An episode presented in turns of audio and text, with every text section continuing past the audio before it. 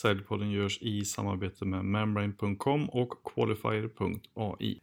Vi sänder från The Park Södra och eh, idag sitter jag här med Jenny Lindblad. Och hur gör man egentligen en perfekt pitch och hur ska man tänka när man skapar en presentation för att vinna nya kunder? Ja, vem vet detta bättre än just pitchexperten och TEDx-coachen Jenny Lindblad. Efter nio år av globalt tillväxtarbete på Ericsson och med över 5000 presentationer för toppchefer, investerare och kungligheter i 130 länder så hjälper hon nu såväl föreläsare, startups och globala bolag att skapa den perfekta pitchen. Och hur det här ska gå till ska vi prata mer om idag, så välkommen till Säljpodden Jenny. Tack! Hur, du, hur var det här från början? Vad var det som skapade ditt intresse för pitchar och presentationer från början? Jag tror att jag alltid haft en skräckblandad förtjusning för att stå och hålla presentationer. Jag började med teater väldigt, väldigt tidigt. Men eh, sen så hamnade jag lite på ett bananskal. Jag sökte ett nytt jobb, behövde komma bort från, från jobbet där jag var tidigare på Ericsson, jobbade alldeles för mycket. Fick hjälp, bytte och då visade det sig att jag skulle hålla presentationer just för ledningsgrupper och eh, många toppchefer från hela världen. Mm. Vilket var ju jätteläskigt. Jag eh, hade ju extrem skräck för att prata inför folk. Även fast jag tyckte om det så hade jag, jag var så, ja, så rädd för det. Jag hade sån skräck så jag kunde inte äta på 24 timmar innan en presentation. det är ju många som har sån eh, scenskräck när man ska göra en sån här grej. Ja. Men hur tog du dig an det då? Nej men eh, först gick jag hem, jag sjukskrev mig och, och tänkte i, i några dagar ska jag säga upp mig. Helt, helt seriöst så blev jag liksom sjuk inom situationstecken och gick hem och funderade på om jag skulle säga upp mig. Men eh, i min familj då säger man inte upp sig eh, så som jag växte upp. Så det var ju bara att eh, hoppa in och köra på. Och jag tänker lite så här att man måste utmana sig själv här i livet. Man måste våga komma över sina rädslor. Mm. Så det var ju bara att bita ihop, lära sig allt som jag skulle presentera. Jag fick ha bilder på alla personerna i ledningsgruppen för jag hade ingen koll på dem och jag skulle hålla presentationer tillsammans med dem. Och sen var det bara att träna, träna, träna och eh, i början så eh, åt jag inte så mycket. Så jag tänkte det här kanske blir perfekt bantningskur. Men istället, men jag behövde få upp den här energin och blodsockret. Och då har man så fantastiska små kakor till sina högt uppsatta besök. Så det gick jag och käkade massor. Men eh, träna, jag tror att det är det som, det är bara liksom ut och, och kör. Ja. Men hur, hur gjorde du då från början här? Jag menar träna på en presentation, fick du bygga dem själv eller fick du hjälp eller hur gjorde du? Jag hade några manliga kollegor så det var jätte, så vi jobbade mycket i team när det kom nya produkter. Då kunde vi få produktbeskrivningar på upp till 80-90 sidor men vi hade kanske bara 2-3 minuter per produkt att berätta. Mm. Och vi jobbade jättemycket med storytelling. Man hade jättemycket vad man kallar för props, det vill säga små, vi hade telefoner, vi hade olika enheter för att visa upp de här lösningarna. Hur saker och ting funkade. Jag kunde till exempel ha Nokia-telefoner för att visa Ericssons eh, mobil-tv-lösning på. Så hela tiden visa Ericssons lösning i så bra dagar som möjligt. Sen om det var på en sån Ericsson-telefon, en Nokia, det, det, spelade inte så mycket roll utan hela tiden så vi byggde upp, jobbade jättemycket med storytelling, fick kunderna att förstå hur ska vi kunna köpa och sälja det här. Så det blev ju jäkligt kul. Det blev ju som lite teater tillbaka i. Just det. Fast kanske för lite då mer seniora än, än de jag hade spelat teater för. Men du, vad är, vad är en bra pitch då egentligen? Um, en, en, bra pitch tycker jag ska vara tydlig och beskriva både problemet och lösningen. Nu jobbar jag väldigt mycket med investerarpitchar så mm. då behövs det ännu mera. Så dels måste problemet som sagt vara väldigt tydligt. Lösningen måste vara ännu tydligare och där ser jag många bolag idag som missar för att de blir så engagerade i sin lösning så de går kanske ner lite för tekniskt djupt. Det blir för komplext, för komplicerat. Men sen måste man också i en bra pitch ha med teamet, visa vilka är det som ska göra det här, kommer det lyckas? Och sist men inte minst eh, hur man ska tjäna pengar på det. Mm. Tycker du att de eh, som du tar dig an lyckas med detta då? Absolut. Ja. Absolut. Efteråt kanske? Efteråt, efter de har träffat mig såklart. Jag kan inte säga så mycket annat. Men eh, om man då eh, tänker så här, varför behöver man överhuvudtaget kunna pitcha? Men varför överhuvudtaget ska man inte kunna pitcha? Att, att, kunna, att kunna pitcha är en av, av Det är någonting som alla egentligen borde kunna. Du behöver ju kunna pitcha när som helst, vart som helst. Om du vill få till ett möte, om du kanske vill få dina barn att göra som du säger, om du vill få din sambo att åka på semestermålet, om du vill få till den här dejten med någon. Du, du pitchar ju egentligen i allt du gör. Tänkte, Men i just mitt fall så söker de ju kanske investeringar och, och då behöver liksom sälja in sig själva till, till att få till ett nästa möte. Och här tror jag att det är det vanliga felet som många gör. De, de gör sin pitch för att de ska få sina miljoner eller man ska få till det här ultimata liksom, målet. Men en pitch är ju bara egentligen att så ett frö. Du skapar ett intresse. Du har ganska kort tid på dig med en pitch. Och i investerarpitchar där är ju bara målet egentligen att få komma in på nästa möte. Och i det mötet är målet att få till nästa möte och nästa möte och nästa möte. Det kan ju ta upp till nio månader, ett år innan du får en investering. Mm. Det är ingen som kommer kasta miljoner på dig efter att de hört din tre minuters pitch. Men det öppnar ju en dörr. Mm. Och där är ju min specialitet. Att hur ser jag till så att den här dörren öppnas och man får till nästa möte. Mm. Sen hur man ska sälja i, i, nästa möte på liksom två, tre timmar, det finns det så många andra som är specialister på. Just det. Men just de här korta pitcharna, det är min grej. Ja. Det tycker jag är skitkul. Jag kommer att tänka på det du sa det här med att pitcha sin semesterresa hemma. Du, du, ni får alltid åka dit du vill med andra ord. Typ. Ja. Kan, kan jag köra pass på den? Ja. Nej. Nej, men jo, men det Nej, men jag tror att eh, allting handlar också om att eh, man måste lägga upp sin pitch utifrån den som man har som lyssnar. Mm. Så jag kan inte bara komma hem till min sambo och säga att nu eh, ska vi dra till Maldiverna. Det kanske han skulle tycka var jättehärligt. Men han tyckte kanske inte att det var lika kul när jag sa jag tycker att vi ska åka tåg till Holland 18 mm. timmar istället för att ta flyget efter att ha sett Greta Thunberg. Mm. Och då måste jag tänka på hur, vilka fördelar finns det för honom som jag kan lyfta fram med det här. Mm. Till exempel att han sitter, slipper ha ett skrikande barn i knät en hel flygresa till Holland. Den var ju ganska bra införsäljning. Mm. Kan vi klippa hela den här delen? jag börjar tänka, om min sambo börjar förstå mina strategier här kanske jag lägger lite risigt till på hemmaplan. Men du har ju coachat över 250 bolag då från hela världen i 14 olika branscher de senaste fem åren. Mm. Men vad är det som bolag behöver hjälp med egentligen i de här pitcharna?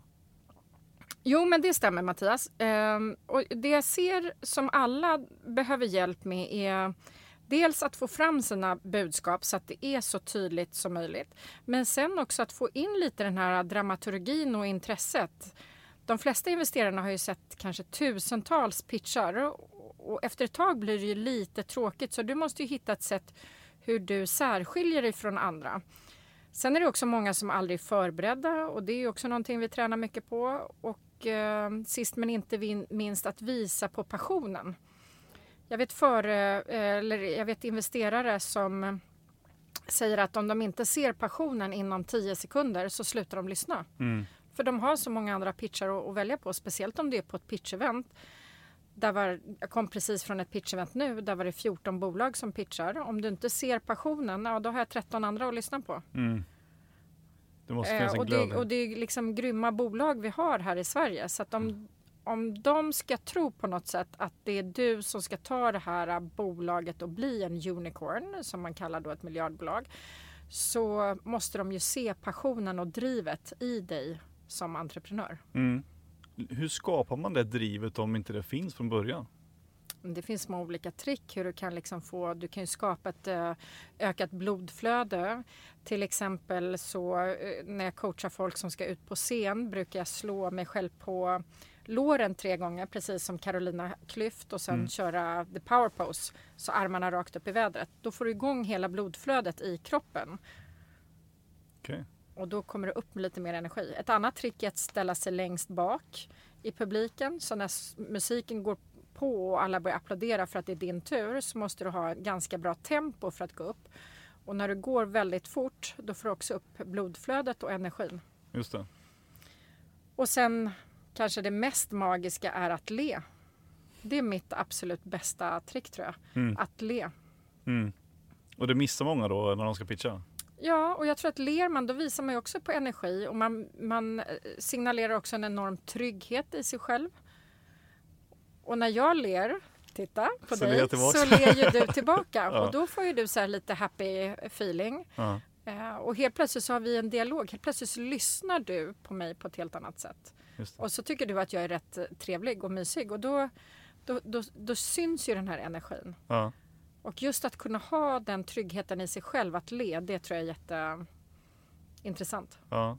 Men när du hör de här då pitcha liksom första gången, för jag antar att de kanske, alltid, de kanske inte alltid har en färdig pitch när ni träffas, eller så har de en som de brukar köra men vill ha den lite bättre. Vad upplever du då oftast att det är som inte funkar i de här pitcharna? Oftast så tycker jag inte att det är tillräckligt tydligt, det de gör. Mm. Det är väldigt eh, rörigt, det är inte en eh, logisk röd tråd i det hela. Ehm, vissa kan komma och de är jättebra och så vässar vi bara till dem.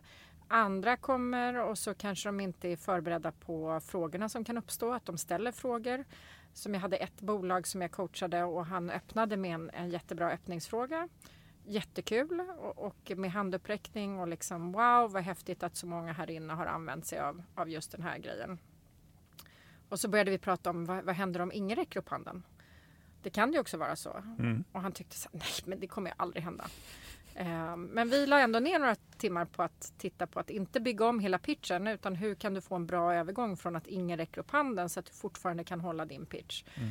Och det kan ju vara så här, jaha vad kul att ingen här inne har använt det där. Då kan jag få berätta för er alla. Det kan ju vara något så enkelt för att då komma tillbaka in i pitchen. Eh, och han ringde upp två dagar senare och sa ju att det var ingen som hade räckt upp handen. Nej. Eh, Så han fick en investering på det mötet. Men hade han inte varit förberedd på det då hade han lika bra kunnat gå ner från scenen och tacka för sig och gå därifrån. För hela hans affärsidé hade bara fallit platt. Ja. Så gäller det att ha en plan B liksom. Ja, men jag tror att det gäller att vara, vara förberedd på alla olika moment. Vad händer om tekniken pajar? Vad händer om, om slidesen inte funkar? Vad gör jag då? Mm. Ja precis.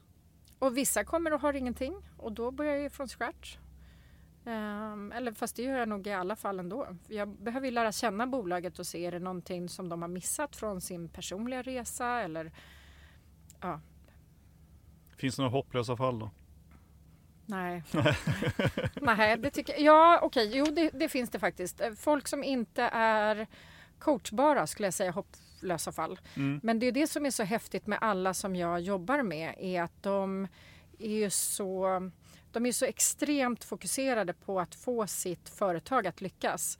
Och jag är lite som en tick in the box på vägen och jag kan leverera ett facit till dem, ser de det som.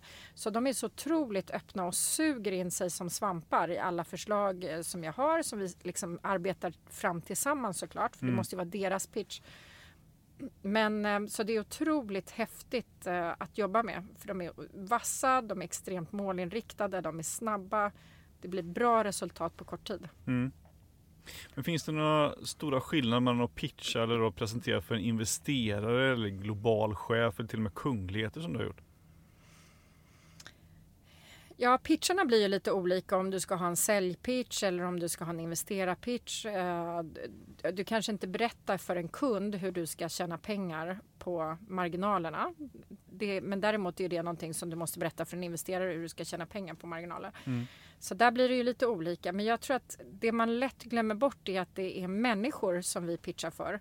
Och att alla har ett eh, problem eller ett behov som behöver lösas. Och kan man sätta sig in i deras problem, inte som en kunglighet eller chef för ett globalt bolag, utan för dem som individer eller personer, då, då har du ju pitchen hemma. Mm. Så till exempel när jag jobbade mycket på Ericsson så presenterade jag för operatörer, väldigt mycket från hela världen. Och om jag då kunde få operatören att förstå hur han skulle kunna sälja den här produkten till sin kund som är en slutanvändare, typ dig och mig. Mm. Fast jag kunde göra det i relation till honom som människa. Eller han är kanske nu säger han, för det var ju mest manliga kunde jag presentera för. Men ibland så kunde jag fråga dem då, har ni barn? Eh, ja, jo, men jag har en dotter liksom. Ja, okej, hur gammal? Ja, 14. Ja, men perfekt, hon skulle älska den här tjänsten. Mm. Och så helt plötsligt så såg jag då ett frö, för han vet ju hur hans dotter är och tänker och helt plötsligt så kan han se hur hennes vänner skulle... Så då har jag liksom på något sätt också gjort försäljningen för honom till slutkunden.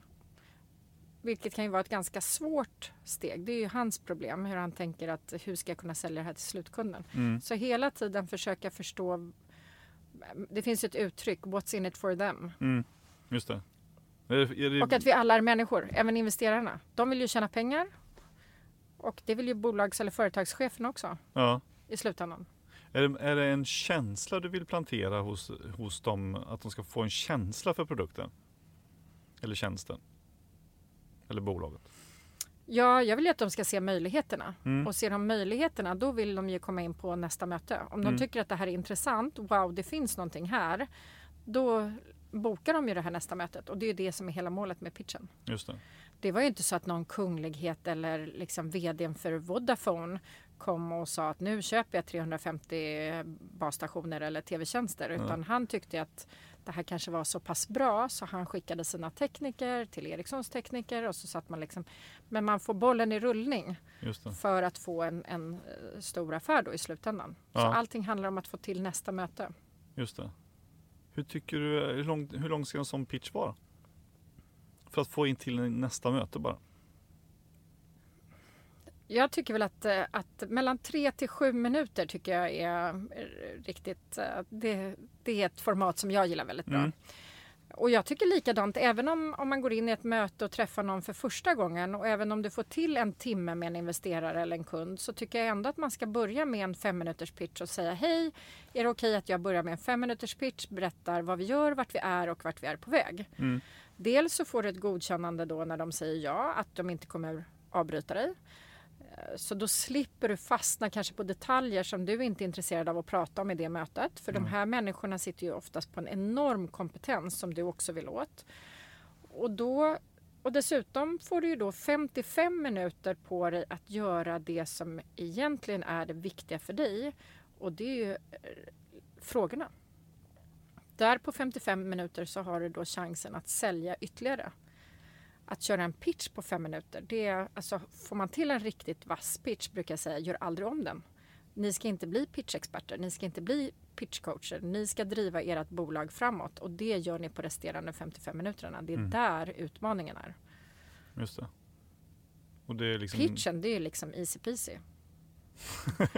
säger hon. Tycker, tycker jag då. då. ja, precis. Ehm, men, men om, man- om, du, om vi tittar liksom då på hur, ehm, eller när du tar dig an personer som ska då pitchcoachas. Alltså, hur, var börjar du någonstans?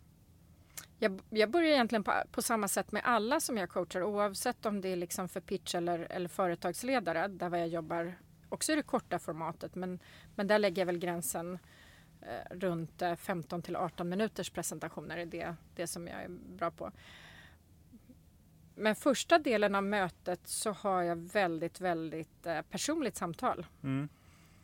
Eh, Så jag brukar försöka minska antalet personer som är i rummet. Gärna bara prata med den som ska pitcha eh, eller presentera. Och frågar ut ganska mycket bakgrundsfrågor. Varför? Vad drivs man av? Kanske vad har man haft för tidigare jobb? Hur har man resonerat? Vad har man för värderingar? Dels för att kunna se om det är saker som vi sen kan dra in som historier i pitchen eller i en, en keynote Mm. eh, som det kan vara för företagsledare. Men också för att se hur formulerar de sig när de pratar om sina vänner, sina barn. När man pratar affärer så kan man ju ha olika typer av språk. Vilket känns mest genuint? Vilket är lättast? Artikulerar de? När ler de? Hur ser de ut när de ler? Öppnar de munnen när de pratar eller pratar de med sammanbitna? Sitter de och har olika tics? Just det. Säger man ö mycket eller? Mm. Eh, så då sitter jag och antecknar. Eh, Hur pratar man? Vilken satsmelodi har man? Återupprepar man sig? Är man monoton? Vad har man för kroppsspråk? När sluter man sig? Hur hårt kan jag pressa innan? Hur personlig kan jag bli innan folk går in i försvar? Mm. Eh, Bara för att känna dem lite på pulsen. För då har jag också mycket lättare sen att veta hur direkt kan jag vara i min feedback. Mm. Jag får ju oftast höra att, att jag är ganska Alltså de jag coachar, de har oftast inte så mycket tid för massor med uh, fluff fluff. Uh, så att jag får ganska ofta höra att jag är brutal men med ett stort hjärta. Och det, jag är väldigt rak i min feedback och jag är väldigt ärlig och det är högt som lågt. Allt ifrån om någon har för uh, kort kjol till att uh, huruvida man ska visa sina tatueringar till att någon har stora läppar med skägg och måste artikulera bättre. Det är liksom högt och lågt. Uh, man får allt från mig och så får man ta in det man vill. Och, uh, men det är väldigt, väldigt viktigt att alla förstår att jag är bara där för deras skull. Ja. Och de har inte tid med, med något annat. Liksom. Och jag tror att det har varit min styrka att helt plötsligt så är det någon som berättar saker för dem som ingen annan har vågat berätta förut. Ja, det är inte så att man går in till chefen på ett stort bolag och säger du, eh, du vet att du inte är särskilt bra på det här va? Nej exakt, exakt. Eh, och, då, eh, och det är oftast otroligt uppskattat och just också eftersom de inte har tiden så tycker de att det är skönt att jag inte håller på och lindar in det eller drar ut på det utan vi liksom adresserar problemet direkt och sen så jobbar vi på det. Mm. Hela mitt fokus är att de under den här tiden ska bli liksom sitt bästa jag. Uh, så det är första kanske 45, 45 minuterna men sen så är 90 procent av jobbet sen är innehåll. Mm. Uh, och då hur man bygger upp en, en, presentation eller hur man bygger upp en pitch beroende på vilken pitch det är. Hur får man in dramaturgi? Vilka delar ska ingå? Och så sitter vi, vi, jag jobbar alltid i manuskript så de tvingas liksom att skriva. Dels för att se vilka ord passar inte dig för det måste ju bli din pitch eller din presentation. Mm. Och jag kanske slänger ut mig ord. Ja ah, Mattias, jag tycker du ska använda det här ordet. Nej men det är inte min, mitt typ av ord. Ja ah, okej okay, men då, då tar vi något annat. Så att hela tiden, vissa ord kan ju vara otroligt viktiga att få in i en presentation för att det tydliggör hela problemet eller det tydliggör hela lösningen på ett, på ett bra sätt. Och därför är manuskript går väldigt snabbt för mig att jobba i. Det är snabbt för mig att förbereda mig, det är snabbt för mig att ge feedback. Det blir en snabb process helt enkelt. Mm. Och det är också väldigt lätt för dem att sen ta med sig in i företaget om någon annan ska hålla den här pitchen. Att då har man grundstrukturen. Sen får man aldrig, aldrig, aldrig lära sig det här manuskriptet utan till. Det är liksom kamikaze. Tappar du ett ord så finns ju risken att du glömmer bort allt, att du får total blackout. Mm. Så jag brukar rekommendera att lära sig kanske 95 procent. Så när de har gjort det då börjar vi gå in och titta på kroppsspråk. Hur står man? Hur går man upp på scen? Ska man sitta i en panel? Hur sitter man då? Är du kort tjock då kanske du måste sitta längre fram. Är du lång smal då kanske du måste sitta lite längre bak. Är du tjej? Hur sitter du på en hög stol? Vad har du för, för kläder på dig? Du kan inte ha en slitsad kjol. Eller, alltså vi tittar på, på allt. Om du ska presentera tillsammans med någon, om det är man, kvinna, var kvinnan står. Var någonstans på scenen har du din bästa plats? Och hur går du upp på en scen? Mm. Det tränar vi mycket på. Och rösten och artikuleringen. Ja. Just det. Men Finns det gör man mycket? på slutet. Och det, det är många som tror att det, det är det jag gör när jag pitchcoachar. Men jag lägger ju den mesta tiden på innehåll. Vad som ska säljas helt enkelt. Ja, för att göra det tydligt. Ja. Enkelt och tydligt. Precis. Men eh, hur ofta blir du utkastad från rummet då? Om du är för hård mot dem? Blir de tjuriga på dig och säger att du, det här har inte jag förväntat mig? Ja, det har hänt en gång av mina 250 bolag och det tyckte jag var lite tråkigt för att jag hann... Eh, så det har jag som regel nu att man måste alltid köra två gånger med mig för att jag måste hinna liksom få lyfta upp, få fånga upp dem också. Mm. För det blir ju lätt att det blir mycket feedback vid första tillfället eller att jag går lite för hårt eller man börjar, man går hem och så smälter man och tänker så här, ja men varför frågar hon det där? Eller det där var ju en dum kommentar. Mm. Och så ger man inte mig en, en chans att sen lyfta upp dem. Men just det här bolaget kom jag sen i kontakt med via ett annat acceleratorprogram. Um, jag coachar ju ofta startups via olika program. Mm för, för, bolagen själva har ju inte alltid finans. Nej Ehm, eller kunna betala. Men så just det här bolaget träffade jag via ett annat acceleratorprogram eh, ett år senare. Så då fick jag coacha dem och då, så det, det känns bra nu. Så grålet är glömt? Ja, ja absolut, absolut. Och det är ganska viktigt för mig. Det är, en, det är en stor del av mitt varumärke att de känner att det här har varit bra. Ja. Men sen har jag också som filosofi, vilket jag tror är jätteviktigt som egenföretagare, att man måste jobba med de kunderna man vill jobba med. Jag tar inga uppdrag där, var ingen, där, där det är chefen som går in och bestämmer att de ska bli coachade av mig, utan man måste vilja det själv. Mm. För det är, inte, det är inte mitt jobb att sitta och övertala dem att de behöver tränas. Nej. Det måste komma någon annanstans ifrån. De måste vara villiga när de kommer till mig. Och då tror jag att då gör jag ett bättre jobb. Och då får jag mera rekommendationer. Jag tror att det blir ringar på vattnet. Ja. Jo, men det är väl självklart att det, annars kanske man träffar de som inte är coachningsbara helt enkelt. Nej, exakt. Nej. exakt. Och då är det ju pengar och tid i sjön för alla. Ja, det suger ju bara energi. Mm. Och det blir bara dåligt på alla sätt. Och jag tror att det är därför det har gått så bra som det har gjort. För Mm. att jag får mycket förfrågningar. Så- Och det måste ju vara för att de vill bli coach. Eh, Men om, man, eh, om jag får vara lite elak här, jag tror att du har kommit undan lättare med det för att du, eh, om du coachar män till exempel. För att jag är tjej. Ja. Tror att jag hade blivit utslängd tidigare om jag hade varit i dina kläder. Om du hade formulerat dig som jag gör, absolut. Ja. ja, absolut. Men det lärde jag mig redan tidigt på, på Ericsson. Ja. Att jag hade mycket, mycket lättare att komma undan med vissa snedsteg än vad mina manliga. Sen åkte jag ju dit också. Sen hade jag, blev jag mer granskad för att jag var tjej. Att stå i en sån här mansdominerad värld och hålla presentationer inom teknik så blev jag ju mer granskad. Aha.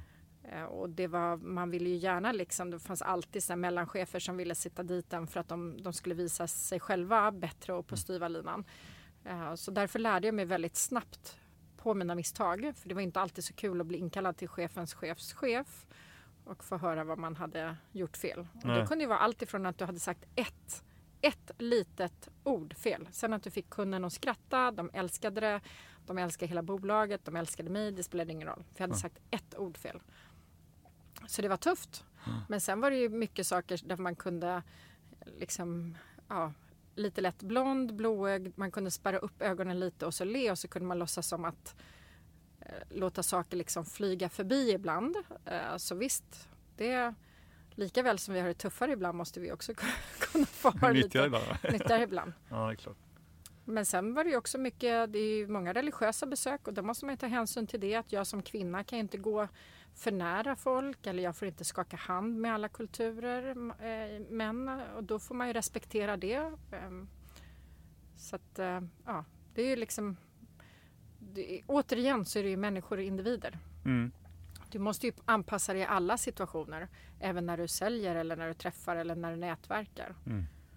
Vem kan jag krama eller vem skakar hand med? Vad har du din liksom, gräns när du tycker att det är obehagligt? Ja, precis. Så man måste läsa av alla. Ja. Men om man, om man tittar liksom direkt... Men ja, du skulle bli utkastad för Ja. jag ska inte börja bli pitchtränare med andra ord. men vad, Nej, men jag behöver expandera. Du kanske vill komma och jobba hos mig. ja men precis, ja, men Ja. kanske, jag får lära mig att Men du får skratta inte bli förbi det här. utkastad.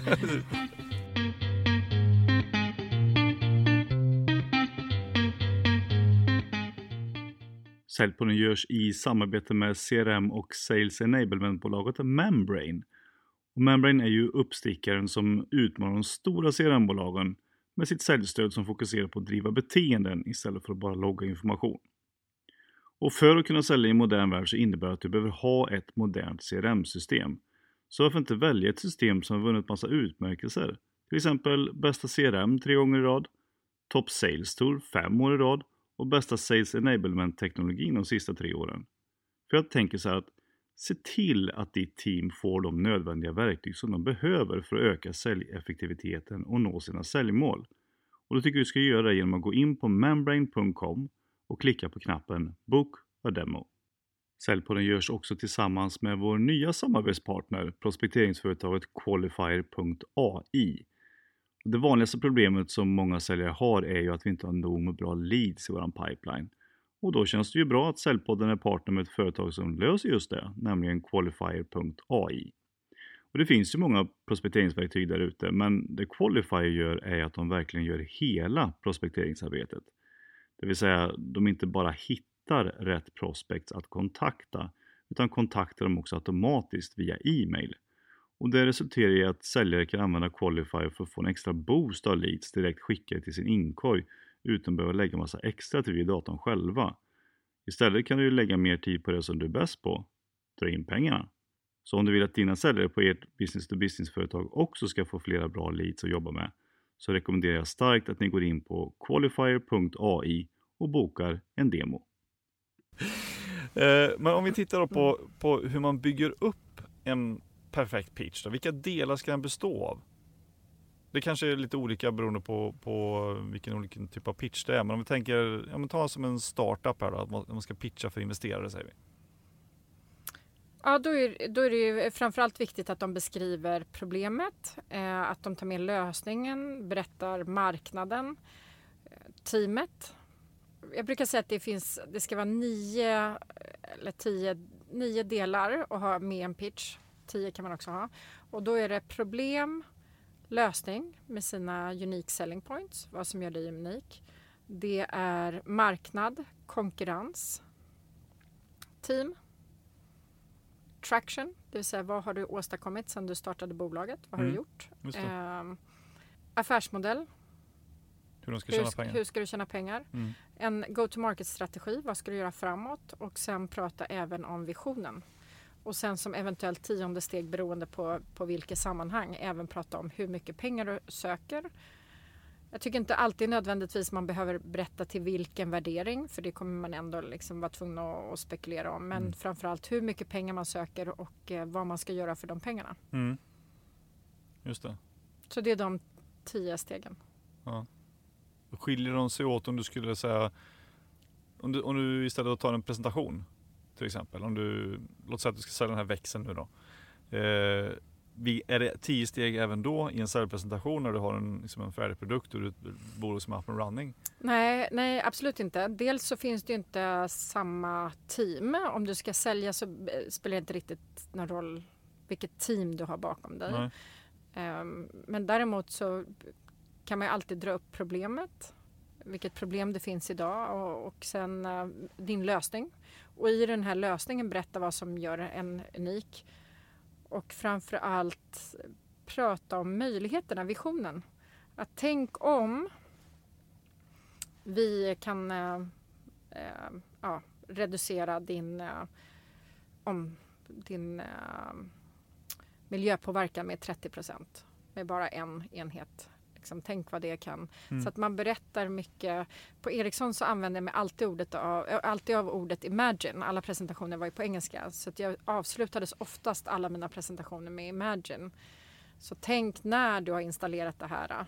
Inte tänk om, utan hela tiden tänk när du har installerat det här. Hur pass mycket du kan minska dina kostnader eller öka din omsättning eller hur många kunder du kan attrahera. Eller, och återigen tänka vad är deras problem. För Mm. många operatörer så var det ju något som man kallar för churn. Att ehm, eh, abonnenter, precis som ja. du och jag, precis försvinner. Att hur behåller man dem lojala? Det var ju liksom största. Och då måste du hela tiden komma på eh, ytterligare tjänster Mm. eller saker som då är värdefulla för mig. Och då, det var ju sådana saker som man då sålde väldigt mycket på. Just det. Det är som ett suggestionsavslut som det heter på i säljspråk. Ja, Ja. man målar upp en bild av Just hur det det, kommer precis. kännas när man har köpt någonting. Ja, exakt. just det. Och, och vad fick ni för respons på det ofta då? Då var det så här, wow. Mm. Men det är ju rätt intressant för tittar man på TED Talks, många amerikanska TED Talks, så Mm. börjar ju de med ordet imagine. Mhm. Inte jag tänkt på. Så det ja. Men du är ju I alla fall många som jag har tittat på. Jag ska inte säga att alla gör det, men, men många gör det. Ja, för du är ju TEDx coach också och hjälper de som ska föreläsa på TEDx med sina, är det 19-17 minuters presentation? 18. 18, ja. Men det, det är inte så många längre som har 18. Jag tror inte att, jag tror att samhället på, håller på att förändras. Jag tror inte att man orkar lyssna på 18 minuters presentationer längre. Så många av dem som vi coachar landar runt eh, 9 till 11 minuter skulle jag säga. Mhm.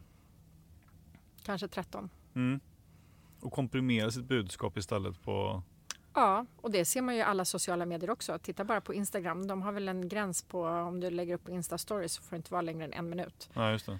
Så att jag tror att hela eh, formatet blir ju kortare och kortare. Mm. Därav vikten av att skapa den perfekta pitchen. Just det. Fick jag, Dollartecknelsen fick, jag, fick jag till den också. Eh, men eh, om man då tänker liksom hur, hur den, den här olika tio stegen då, för det behöver ju ändå finnas med lite grann annat än bara tio steg. Vad ska man lägga in i de här stegen? Hur man går och står och pratar och säger i de olika eh, tiostegsmodellen här då? Kanske inte behöver gå igenom allt, men som en grund. Men jag tror ju mycket, det finns ju många sådana här saker som att man eh, ska inte backa när man berättar om sina budskap för det visar på att man inte tror på det man står för. Utan jag försöker titta på att man ska gå framåt. Eh, Sen tror jag att man får tänka på att de startups som jag coachar så har vi ju ganska kort tid. Mm. Eh, Jag kanske coachar för en tre minuters pitch kanske jag ligger på fem till sju timmar per bolag. Det kan ju låta jättemycket för en tre minuters Mm. men, men det blir inte så mycket. Och då när det gäller självaste kroppsspråket så lägger vi mest tid på artikuleringen. Beroende på vilket språk det är. Är det deras eh, liksom hemspråk eller är det inte det? Och sen inte vandra så mycket fram och tillbaka.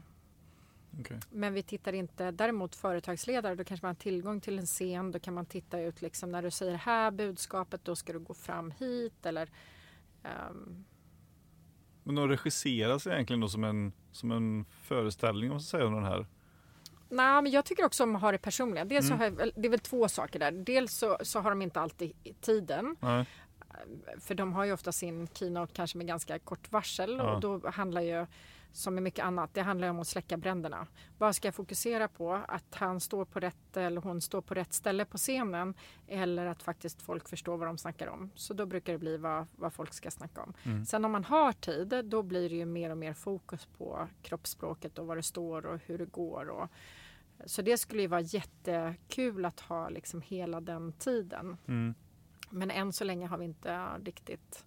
Det har varit för mycket att ändra på innehållet. Mm. Så då har det blivit... eh, Då har man, eh, vad säger man, tullat lite på...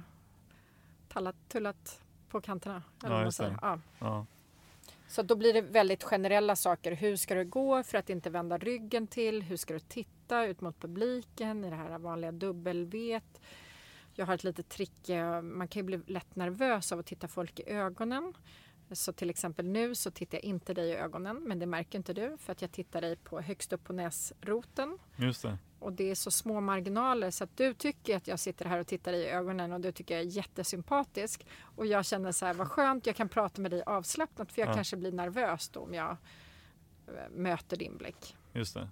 Någon som nervösa. kanske ser lite för glad ut i publiken eller ja, någon som ser för trevlig ut eller någon som ser sur ut. Det kan jag tycka är jättesvårt själv när jag presenterar. Någon som ser sur ut, tänker man shit, de tycker jag är askass. Ja. Och då är det ganska skönt att titta på näsroten och inte tänka så mycket på vad alla andra tänker utan mera leverera mitt budskap utifrån mitt bästa jag. Just det. Mm. Om eh, vi tänker så här då, att eh, när du ser folks pitchar och presentationer, liksom när du eh, lyssnar på de här, inte bara i din roll som coach, utan du sitter väl med på vissa ställen också och hör folk som inte du har coachat när de pitchar. Mm. Vad slås du ofta av då? Jag slås ofta över att eh, vilka fantastiska idéer och bolag vi har här i Sverige. Mm. Eh, Det är helt otroligt. Vad, vad, liksom, det är någonting som vi borde vara otroligt stolta över. Vad, vad, folk kommer på. Mm. Men sen så slås jag över när jag ser reaktionerna från de som lyssnar eller publiken att man inte förstår. Mhm. Att de inte har fått sina, fram sina budskap tillräckligt tydliga så att folk fattar inte potentialen eller man fattar inte affärsidén eller man fattar inte hur man ska tjäna pengar. Och så ser jag där hur de sitter liksom och mm, snurrar lite på sig och sen så i pausen så är det ingen som går fram till de här bolagen och pratar med dem efteråt. Och det kan jag tycka är jättesynd för vi har så otrolig potential. Mm. Och sen så slås jag över hur otroligt oförberedda många är. Okej. Många har den här mentaliteten, min produkt är så himla bra, den kommer sälja sig själv. Mhm. Eller jag kör bäst när jag kör on the fly. Mm. Eh, vilket är ju totalt crap. Mm. Och då märker man direkt att det här var påhittat i stunden. Ja, det blir inte tillräckligt vasst. Eh, har de tre minuter på sig och det bryts och då får man inte och så får de inte till vad det är de eftersöker. Mm. Jag kan se jättemånga bolag som bara de, de blir så engagerade i sin produkt så att de pratar bara om produkten och så ringer klockan liksom när jag har fem sekunder kvar.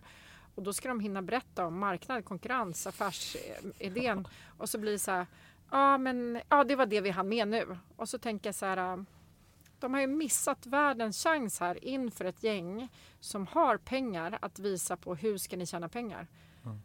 För har man 13 andra bolag där man får höra då hur man ska tjäna pengar, då är ju inte det, man går ju inte upp till eller fram till det här bolaget som inte har hunnit avsluta och säga så här, ah, kan inte du köra resten av din pitch för oss just nu? Nej. Det gör man inte. Nej. Nej, precis. Så Men, när jag sitter i jury så får de alltid underkänt av mig om de inte håller tiden. mm. För det är A och O. Man måste hålla tiden så att man ser till så att man levererar sitt budskap, vad man själv vill uppnå. Just det. Vad är den stora bigga, big no-no då? I det här? Förutom att inte hålla tiden. Oj, det finns några stycken. Mm. När jag coachar folk så får de aldrig sitta med armarna i kors. Eh, De får aldrig ha händerna i byxfickan. Eh, Inte ens när de inte pitchar, utan aldrig när de träffar mig. Vi ser igen dem helt enkelt. ja, precis. Då, blir det, det, då kommer jag fram med piskan där. Nej, men, och sen så finns det två stycken riktiga eh, stora no-nos och det är att du får aldrig, aldrig, aldrig ljuga. Det, det är för liten värld här. Kommer man på att du ljuger så sprids det liksom över hela, jag skulle säga även utanför Sveriges gränser. Mm. Det, det är en för liten arena. Mm. Och sen så ska man aldrig prata illa om sina konkurrenter. Just det. Fokusera på vad du gör som är bra istället. Mm. Skit i vad de är dåliga på. Mm. Vilken pitch är du mest stolt över som du själv har varit med och producerat? Då? Oj. Jag skulle nog säga alla bolag som jag har coachat är jag stolt över. Får man säga så? Nej, det var för diplomatiskt.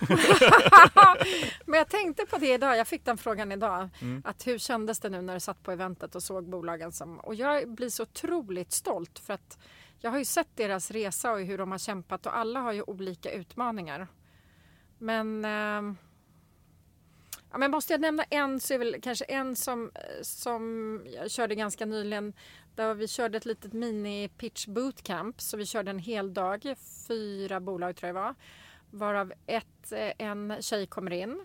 Eh, Och det är alltid lite roligt med eh, kvinnliga grundare för det finns ju inte så många. Så det, det är alltid lite extra kul eftersom jag själv är kvinna. Och hon kommer in och hon har liksom ingenting skrivet, inga slides, ingenting och är lite i upplösningstillstånd. Och vi har ju bara den här dagen. Eh, och hur vi jobbar då på och kör så många iterationer som möjligt. Vi delar in dem i två team och så byter vi liksom allting för att maxa den här dagen så mycket som möjligt. Och hur hon eh, sen går upp veckan efter på det här jättestora eventet inför 350 investerare tror jag var och eh, vinner hela skiten. Mhm. Eh, och då blev jag ganska... Det var ganska coolt. Jag förstår. Men hur, grymt. hur viktigt är liksom att man har sig själv att kunna pitcha eller att man måste ha hjälp av slides när man pitchar? Jag tycker att det bästa är om man kan göra utan slides. Mm. Men det är väldigt, väldigt svårt i en investerarpitch för du måste visa till exempel din eh, men hockeysticka som man kallar det, sin finansiella utveckling. Mm. Och det är svårt att prata om utan att ha slides. Eller hur ser marknaden ut? Eller hur ser teamet ut? Det är också svårt utan slides att prata Mm. om Kalle, Lisa, Pelle. Ehm, så där, där skulle jag säga att där, där är det nästan ett, ett måste kanske på att landa runt en 5 till 10 slides. Men eh, sen vet jag att vi gjorde en grej ett år på Ericsson vilket var jättekul. Eh, in, inför Ericssons största event så fick alla olika produktkategorier komma och berätta för alla andra vad de gjorde. Så man hade liksom en träningsvecka, man flög in folk från, från hela världen. För att alla skulle veta lite vad alla höll på med. Så ifall kunder kom och frågade så visste man vem man kunde skicka dem till. Mm. Det var ju på extremt hög nivå. Men första åren så brukade det bli sån extrem... De hade 15 minuter på sig per produktarea. Så inom till exempel tv där man hade många olika lösningar så hade de bara 15 minuter. Och det var ju sjukt mycket slide. Och det var så tekniskt komplext och det var så rörigt. Och alla satt där och jag tror att ingen riktigt kom ihåg någonting. Och sen var det en kollega till mig som tränade dem som kom på den briljanta idén. Så han satte en regel så att alla som skulle komma dit och presentera sina 15 minuter fick ha tre slides. En slide med en siffra, en slide med ett ord och en slide med en bild. Sen behövde det inte vara i den ordningen. Men skickade man inte in de här tre så fick man inte ställa sig upp på scen. Vilket var ju katastrof för liksom bolaget hade ju satsat jättemycket pengar Jaha. på det här. Så att alla blev ju tvingade. Och helt plötsligt fick man då, var man tvungen att utmana sig själv och hitta på historier och kunna då köra eh, liknelser och anekdoter för att då kunna koppla till det här ett ord eller en siffra. Ja. Och helt plötsligt blev det mycket, mycket mer levande. Och det där är någonting som jag har tagit med mig när jag coachat andra och, och pushat dem lite att våga utmana sig själv. Och responsen har blivit fantastisk. Folk har kommit tillbaka och sagt jag har aldrig haft så bra kundmöten, jag har aldrig haft så bra säljmöten som med den här setupen. För helt plötsligt så gömde de sig inte bakom sliden utan de visade ju vem de själva var och började berätta med egna ord och passionen och man såg är, när man ser liksom glittret i dina ögon när du säljer din produkt, det är då man blir jäkligt sugen på att köpa. Mm, mm. Så att, eh, ja, Ja, lång, långt svar på en kort fråga. Nej, men det är relevant eh, såklart att eh, det är viktigt att tänka på sådana saker. Ja, våga utmana dig själv och ha minimalt med slides. Jag Mm. har ju aldrig några slides på mina föreläsningar. Jag kör bara whiteboard. Ja, okej. För Jag kommer ihåg det själv när man har haft, eh, jag är min bakgrund i läkemedelsindustrin Ja. och det är ju extremt med, ja men det är liksom 30-40 slides, eh, det är liksom hela storyn från början till slut. Mm. Så helst ska den dras då på den här 45 minuter timmen man har på sig. Och gärna så står all texten också som man sen står, står och läser utan till. Så man tänker Allt. sig, jag hade kunnat läsa det här på fem minuter istället Yes. för 45. Ja. Nu är jag en walking brochure här Ja, istället. Så att ja. allt finns med på den här Och så bilden. bara vita slides med svart text, eller hur? Jajamän. Och mycket staplar, diagram där det är mycket liksom så citat och så här, eh, fotnötter och eh, Extremt litet typsnitt så man inte ser vad det Absolut, står. Självklart. Ja, men det måste det vara för det är ju läkemedelsindustrin. Så allt måste finnas med. Ingen vet vad som står på den där. Man vet inte ens vad man ska titta för det är så mycket information. Ehm, men Men de, så var det jättemycket på Ericsson också, att man använde PowerPoint som dokumentation. ja, Och då istället för att göra två versioner, vilket jag tycker är lite synd, så hade man då sin dokumentation när man körde sin presentation. ja, Och då blir ju all text och allting. Och då blir det ju fel budskap. Slidesen är ju där för att de ska lyfta och förstärka dina budskap. Men det är dig man lyssnar på. Inte annars kan du liksom skicka presentationen till mig. nej men precis. Tänk vilket jäkla slöseri med tid. Alla, alla som- powerpoints. Nej, men jag tänker alla som sitter där när de hade kunnat läsa det på fem minuter. Det är ju liksom miljardkostnader för bolag. Det är så ineffektiva möten. Det- Det bidrar ju inte till någonting egentligen. Nej. Men däremot om du kommer dit och håller en föreläsning och har utan slides eller du kanske har liksom olika produkter med dig, någonting som man kan känna och ta på eller du bidrar med, med stories och du får det levande, då och sen kanske har någon slide som stödjer det hela, då, då blir det ju en helt annan, då blir det en upplevelse runt det. Precis. Men att du står där och högläser för mig, det är Det är ett av big no-nos. Jag kommer ju ihåg de gångerna som det var när de här ja, men, projekten har pajat liksom. ja, Det finns inga slides att visa. Jag kan inte hålla upp datorn. Det finns ingen mening med det. De är liksom 20 stycken sitter där. Men det finns en whiteboard och det finns en penna. Och när man liksom får tänka om då, bara, hmm, hur ska jag lägga upp det här nu då på ett bra sätt att använda och rita? De mötena har blivit så himla mycket bättre. ja men det blir fantastiskt. De tvingas ju till dialog också. Ja. Ja. Så att eh, det kanske är att tänka på Och så ibland. blir det lite kul tycker jag när jag använder whiteboard för jag är ganska dålig på att rita och sen när jag blir superengagerad så hinner jag inte skriva ut orden så då på slutet så drar jag bara ett streck. Eh, och då, man öppnar ju upp sig lite och visar sina svagheter men också visar sin passion. Ja. Och så blir det Kurt Olsson så karbonpapper på det här. Ja, riktigt så långt kanske inte. nej, nej, jag skojar bara. Ja, Eh, Men eh, lite tips då till de här som vill, eh, som någon gång kommer att hålla en presentation utan powerpoint-bilder förutom det att rita. Har du några andra sådana här bra tips om det är så att man tänker, äh, jag tänker inte visa några bilder, jag tänker göra något annat. Hur gör jag då? Och jag skulle säga shit vad coolt att, att du vågar utmana dig själv. För det jag ofta ser är att folk bygger upp sina presentationer utifrån sina powerpoints som man redan har. Ja, det Mm. här är en cool bild, den vill jag ha med. Medan om du inte gör det, då måste du ju vända på alltihopa, vilket jag tycker att då börjar man i rätt ände genom att tänka vad är det du vill uppnå? Vad är det du vill förmedla med din presentation eller pitch? Och sen se vilka är det som kommer lyssna? Och sen tänka igenom då what's in it for them? Att titta på vad är det de är intresserade av att höra som jag är sugen på att prata om. Mm. Och då bygga upp det. Och köra manuskript. Just Och sen träna, träna, träna. Och så bara gå ut och ha jäkligt kul. För det får man inte glömma bort. Nej, Man ska ha kul. det ses många gånger som ett arbete. Så att det, nej, det här ska inte vara roligt, det ska vara köttigt, det ska vara jobbigt. Det blir ju som en performance många gånger när man har de här eh, lunchmötena eller vad det nu kan vara, eller pitcharna. Man kan ju kötta innan med Ja. allt bakgrundsarbete och liksom förarbete och träna och träna och träna. Men sen ska det vara kul. Train hard, fight easy. Ja, precis. Precis. Helt rätt. Ja, coolt. Men du, eh, om eh, vi skulle ta och titta lite grann på det här som du också gör då, förutom att eh, liksom pitcha st- eh, startups och, och bolagschefer. Du, du pitchar många gånger, när- eller hj- hjälper företag som ska stå på till exempel på mässor och sånt. Mm. Och eh, få in liksom, hur gör man för att få in folk i sin monter? Ja. Hur brukar du göra då? Ehm,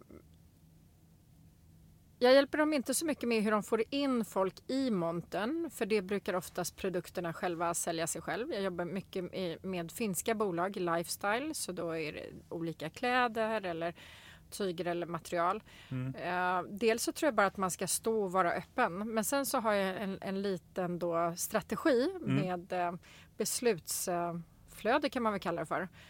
Där var då bara säga hej, har du hört talas om eh, ja, bolagets namn eh, tidigare? Och då kommer personen i fråga säga ja eller nej. Mm. Och om de säger ja, vad kul, vad har du hört talas om det tidigare eller har du några av våra produkter? Då kan man liksom börja fråga. Jag tror att på mässor så är det, det mest viktiga är att lyssna. Pitchen ska vara extremt kort och sen så lyssna, lyssna, lyssna. Om de säger nej, vi har inte hört talas om er, då kan man säga ah, vad kul, har du en minut så berättar jag jättegärna om det här fantastiska bolaget. Mm. Säger de nej, då säger man ah, inga problem, välkommen åter, jag finns här om du har några frågor. Och så låter man dem vara, för vissa personer vill bara vara. Ja. Så inte försöka trycka sig på dem, de kommer sen när de är redo. Och du vill hela tiden bara skapa en, en stark upplevelse.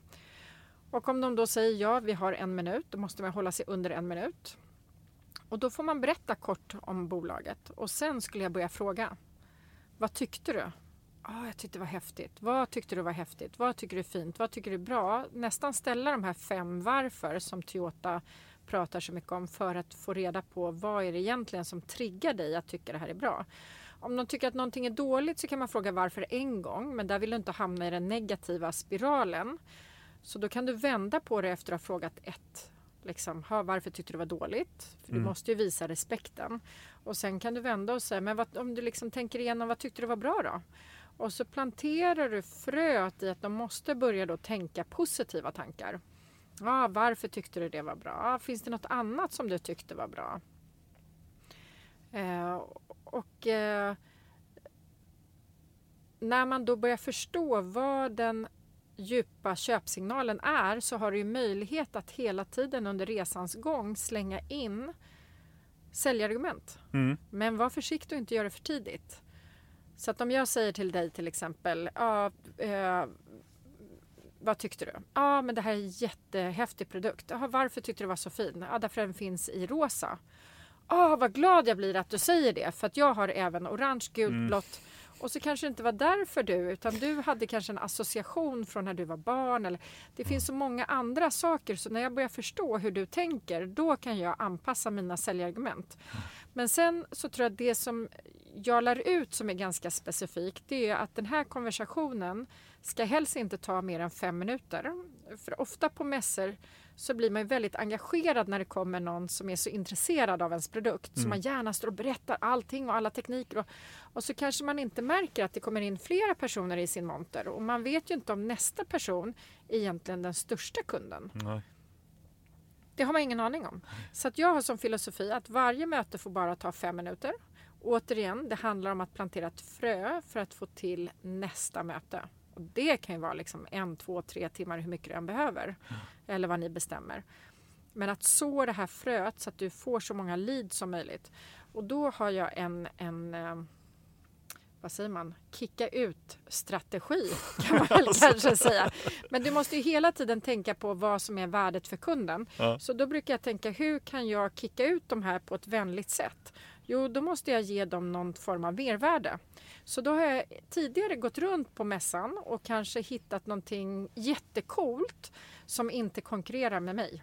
Och gärna i andra ändan av den här äh, lokalen. Mhm. Och då kan jag avsluta med att säga att ja, jag ska inte ta upp din tid. Jag skulle jättegärna träffa dig igen. Kan vi inte boka ett möte? Här är mitt kort. Hur låter liksom nästa tisdag? Jättekul. Ser så mycket fram emot det. Jag förstår att du vill titta på massor med grejer här. Eh, jag ska inte uppehålla dig. Men en sista grej innan det går. Jag måste bara tipsa dig om. Har du sett den här flygande fågeln borta i hörnet? Jag tror att du skulle tycka att den var ascool. Ja, ja, var bara så här sista. Nu ska jag inte... ehm, Och då vill Och de gå så- och kolla på det egentligen? och då vill ja. de gå och kolla. Så då har du, då på något sätt så säger du hej då, för du har ju tagit kontrollen över konversationen genom att säga att du vill träffas igen, du vill diskutera mera. Du får en handskakning på det samtidigt som du säger tack och hej, kan du gå nu för nu har jag nästa genom att då ge dem ett värde att gå och titta på nästa monter. Mm. För de är ju inte där för att stå och prata en hel dag med dig när man går på mässa. Då vill man ju titta på många saker. Mm. Så du visar ju också respekten för deras tid. Just det. Så så tänker jag. Så det var lite min filosofi när jag jobbade på Ericsson och jag utbildade även i det och vi Mm. lyckades ju på olika event föra statistik från tidigare år och hur med den här träningen hur det gick och då kunde vi se att vi lyckades öka antalet leads med 100 procent, vilket är ganska mycket på tre dagars event där vi kanske gick då från 400 leads till 900 leads. Mm. Sen är inte alla varma och alla kommer inte bli miljardaffärer som man Nej. hade på Ericsson. Men får du till den här en eller två, det kan ju vara hela årsomsättningen. Ja, precis. Så att, eh, ja. Så en ha kick in och en kick out Ja, och så fokusera på fem minuter. Ja. Det, du ska stänga inom fem minuter. ja, bra tips. Det Så ju, att, eh, man tänker inte riktigt på det utan man pratar ju så länge, så länge kunden står kvar. Men det är som Ja, du ja, säger, det precis. ska komma in tio andra under tiden så man hoppas att någon annan får ta det så länge. Nej. Sen brukar många fokusera på att man ska fråga direkt. Vem är du? Vad jobbar du med? För att anpassa. Medan jag tycker egentligen att det är ganska känslokallt för att på något sätt där och då så lägger du en värdering i den här personen. Vad har de för titel? Vad har de för kunskap? Är de tillräckligt intressanta för dig som kunder? Men du har ju ingen aning om vem den här personen känner Nej. eller vem de är där och scoutar för. Så jag, jag tycker att det är bättre att fråga det mot slutet. Så vad jobbar du med? Ha, vad spännande liksom. Är det något speciellt du tittar här på mässan? Ja men gud, då kan jag tipsa om den här flygande fågeln där borta. Ja. Eh, men du, du har ju visat sån respekt så det blir ju lättare att de rekommenderar dig för andra. tänker jag. Man är ändå likeable på något sätt. Ja precis. Mm. Så det är min lilla strategi Mm. som har funkat. Så det eh, jobbar jag också med. Mm. Jättekul. Ja, jag förstår. Men vad, vad är roligast med att vara pitchtränare? Ja, men det är lite som att eh, jag älskar att, måla eh, väggar hemma. Första lagret. Andra lagret tycker jag är skittrist. Men första lagret och gärna liksom vita väggar och så måla med färg. Du ser resultatet direkt. Ja. Och det gör man i, i pitch också. För det är så kort så att det måste bli riktigt, riktigt bra. Ja. Har du en entimmes föreläsning då kan du ju komma undan med att du kanske inte är topp, topp, topp hela tiden. Men tre minuter, då måste du vara, det måste vara, allt måste liksom sitta. För det är så mycket information som ska in. Så från start till när de är färdiga med mig på ganska kort tid, eller när jag är färdig med dem, så ser jag extrema resultat. Och det gillar jag. Jag gillar det här äh, se förändring snabbt. Mm. Som när man målar färg på vit vägg. Första lagret. inte andra. Jag gillar inte när startups kommer tillbaka och har ändrat sin pitch och så börjar vi om igen. Nej. Som jag har coachat tidigare. Det tycker jag är trist. Ja, jag förstår. Då får andra ta över. Ja, om de inte har liksom ändrat sin affärsmodell eller pivoterat eller de ska upp på något annat event eller alltså då, då har man ju en annan presentation man ska bygga upp. Då är det jättekul att de ringer mig igen. Mm. Men att sitta och uppfinna hjulet igen, det tycker jag är skittrist. Ja. Men du, du är ute och föreläser en del om de här Mm. sakerna. Men Mm. hur får man ta på andra saker? Så har du skrivit och gjort någon modell eller någon bok om de här grejerna som man kan eh, ladda ner och eh, Nej. tjuvkika på? Nej, inte än. Nej, utan man anlitar Det är helt enkelt. väldigt hemligt. Du har avslöjat Ja allt precis, nu. ja, precis. Det är bara att lyssna på Säljpodden så har ni allting här. Exakt. Ja, nej, men jag behöver inte jobba något mer. Jag är out of business nu. Nu har alla facit här. Just Ja, det. Otroligt. ja. Ja, men alltså när, när du eh, blir anlitad och du blir anlitad rätt mycket för att du sa ju förut att du behöver ju nästan expandera och klyva dig själv här för att det är så Ja. många som, eh, som skriker efter dig. Men hur, eh, hur bokar man det annars? Är det enklast att bara ta kontakt eller hur? Eh, Bara connecta med mig på LinkedIn. mm, eller mejla. och räkna med att det tar ett halvår innan det kan komma? Nej. Nej, ja, det kan ni i och för sig göra. Men, men, ehm, men man kan alltid prova och fråga. Mm, Och jag älskar ju att eh, hjälpa folk. Alltså jag tycker att det är jättekul. Mm. Jag har ju det lite som min... Eh, mitt mål i livet är ju empower people. Eh, så det är min utmaning att jag ser ju så otroligt många startups eller företagsledare som jag skulle vilja hjälpa för att jag ser att de har jättehäftiga produkter eller bra budskap. Men jag hinner inte riktigt Ja. eh, som det är nu. ja, precis. Eh, så att, får man bli- måste ju ha lite tid för sig själv också Ja, och, och utveckla sig själv. Ja. Det får bli coaching for one too many istället då. Ja, precis. Så vi får se. Det kommer lite nya format eh, efter sommaren så jag kommer sätta upp lite olika bootcamps eh, och det blir lite annat format hur man kan då eh, vara flera på, ett, och- på en och samma tillfälle. Och det blir också lättare för de som kanske inte har eh, jättemycket pengar, vilket man inte har när man är startup och då går man ihop och då blir det lite mer hållbart. Just det. Men det är en sista grej här nu då. Ja. Jag har en pitchexpert framför mig. Mm. Hur skulle du göra om du skulle pitcha det här avsnittet för de som lyssnar på det här? Det här borde jag egentligen haft i början. Oj, oj, oj. Ja, verkligen. Det borde du ha haft som intro. Vad tufft. Men eh, då skulle jag nog kanske säga så här. Då. Söker du kapital eller behöver du bli tydligare i dina budskap? Lyssna på dagens avsnitt av Säljpodden med Jenny Lindblad. Perfekt. ja men grymt. Du, stort tack så, för att du tog dig tid att gästa så här på den eh, precis den här dagen innan semestern. Du kommer vara ledig ett tag här nu. Ja, absolut. Eh, när det här släpps så har ju du precis kommit tillbaka. Så att, eh, det är första, Ja. eh, sista dagen innan och första dagen på... Ja, vad härligt. Ja, det ser jag fram emot. eh, underbart att Det höra är bra hur... start sen på nya, liksom, eh, nya tag och framåt. Precis. Ja. Hösten, hösten ligger framför Mm. när det här släpps. Mm. Eh, Men det är fantastiskt roligt att höra hur man gör en perfekt pitch och hur man ska tänka inför sina presentationer. Tack. Stort tack för att du var med. Tack för att jag fick komma. Härligt. Ha det bra. Tack så mycket. Hej, hej.